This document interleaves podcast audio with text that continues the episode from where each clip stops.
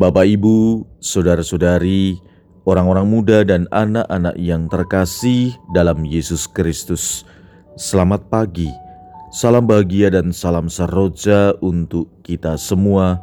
Berkah dalam bersama dengan saya, Romo Antonius Garbito Pamboaji, menyampaikan salam dan berkat Allah yang Maha Kuasa dalam nama Bapa dan Putra dan Roh Kudus.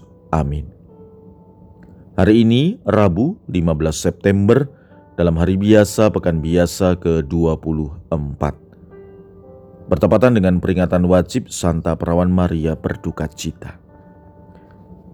Sabda Tuhan dalam liturgi hari ini, bacaan pertama diambil dari surat kepada orang Ibrani, bab 5 ayat 7 sampai dengan 9. Bacaan Injil diambil dari Injil Yohanes bab 19 ayat 25 sampai dengan 27. Waktu Yesus bergantung di salib, di dekat salib itu berdirilah ibu Yesus dan saudara ibu Yesus, Maria istri Kleopas dan Maria Magdalena. Ketika Yesus melihat ibunya dan murid yang dikasihnya di sampingnya, berkatalah ia kepada ibunya, "Ibu, inilah anakmu." Kemudian katanya kepada muridnya, "Inilah ibumu." Dan sejak saat itu, murid menerima ibu Yesus di dalam rumahnya. Demikianlah sabda Tuhan. Terpujilah Kristus. Saudara-saudari yang terkasih dalam Yesus Kristus. Santa Perawan Maria adalah teladan umat beriman yang mengandung, melahirkan, dan mendampingi penyelamat dunia yang datang untuk mempersembahkan diri bagi keselamatan seluruh dunia dengan menderita dan wafat di kayu salib. Kemarin kita kenangkan salib suci, dan hari ini kita kenangkan Santa Perawan Maria berduka cita kenangan akan partisipasi Santa Perawan Maria dalam penderitaan dan wafat penyelamat dunia putranya.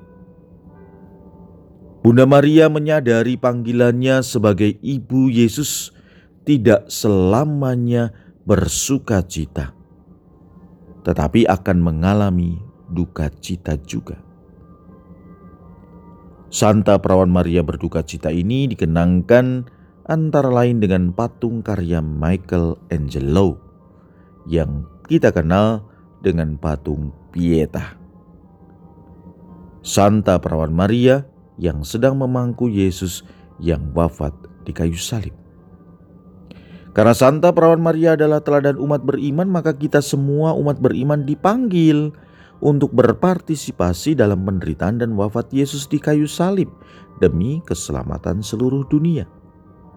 Secara konkret, kita dipanggil untuk siap sedia menderita dan berkorban demi keselamatan jiwa maupun orang lain atau sesama kita. Dalam Injil hari ini, peristiwanya terjadi saat Yesus berada di salib dan dalam kondisi sangat lemah, bahkan ada di dalam situasi sakrat maut. Hadir dalam peristiwa tersebut Bunda Maria bersama dengan saudara-saudarinya. Secara manusiawi mereka sangat berduka cita dan sangat terpukul karena Yesus dihukum mati secara tragis. Tetapi mereka tetap setia dan duduk di bawah salib Yesus. Kesetiaan mereka ini tidak disia-siakan oleh Yesus. Dalam penderitaannya yang hebat, Yesus menetapkan Maria sebagai ibu bagi murid-muridnya yang setia. Maria menjadi model atau teladan bagi para muridnya sebagai seorang ibu yang setia mengikuti Yesus juga di saat Yesus itu nampak lemah, menderita, dan wafat. Maria menjadi sosok murid Yesus yang terbesar dan pertama yang rela menderita bersama putranya. Penderitaan Maria tidaklah sedikit, walau ia seorang ibu dari seorang penebus. Penderitaan Maria ini sering kali dikenal dengan istilah tujuh kedukaan Maria. yaitu nubuat Simeon yang menyatakan bahwa sebuah pedang akan menembus hatinya. Pengungsian ke Mesir karena kanak-kanak Yesus terancam dibunuh Herodes. Yesus tertinggal di bait Allah selama tiga hari. Yesus berjumpa dengan ibunya pada saat memanggul salib menuju ke Kalvari. Yesus disalibkan di Kalvari, dan Maria duduk di bawah salibnya. Kemudian Yesus diturunkan dari salib, dan Ia dibaringkan dalam makam.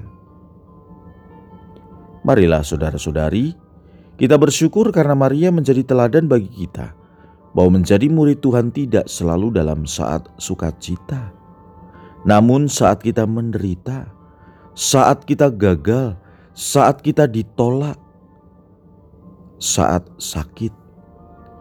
Kalau kita tetap setia, maka kita akan diselamatkan, kita akan disembuhkan, kita akan dibebaskan. Ikut merasakan penderitaan Maria juga bisa menjadi jalan untuk memahami dan menghayati kesengsaraan Yesus yang menyerahkan hidupnya karena taat kepada Bapaknya. Marilah kita berdoa. Ya Bapa Surgawi, kami menyerahkan setiap situasi yang kami hadapi kepadamu. Bunda Maria doakanlah kami agar tetap tabah setia seperti Engkau pada saat-saat sulit dan dalam penderitaan hidup kami. Berkat Allah yang Maha Kuasa, dalam nama Bapa dan Putra dan Roh Kudus. Amin.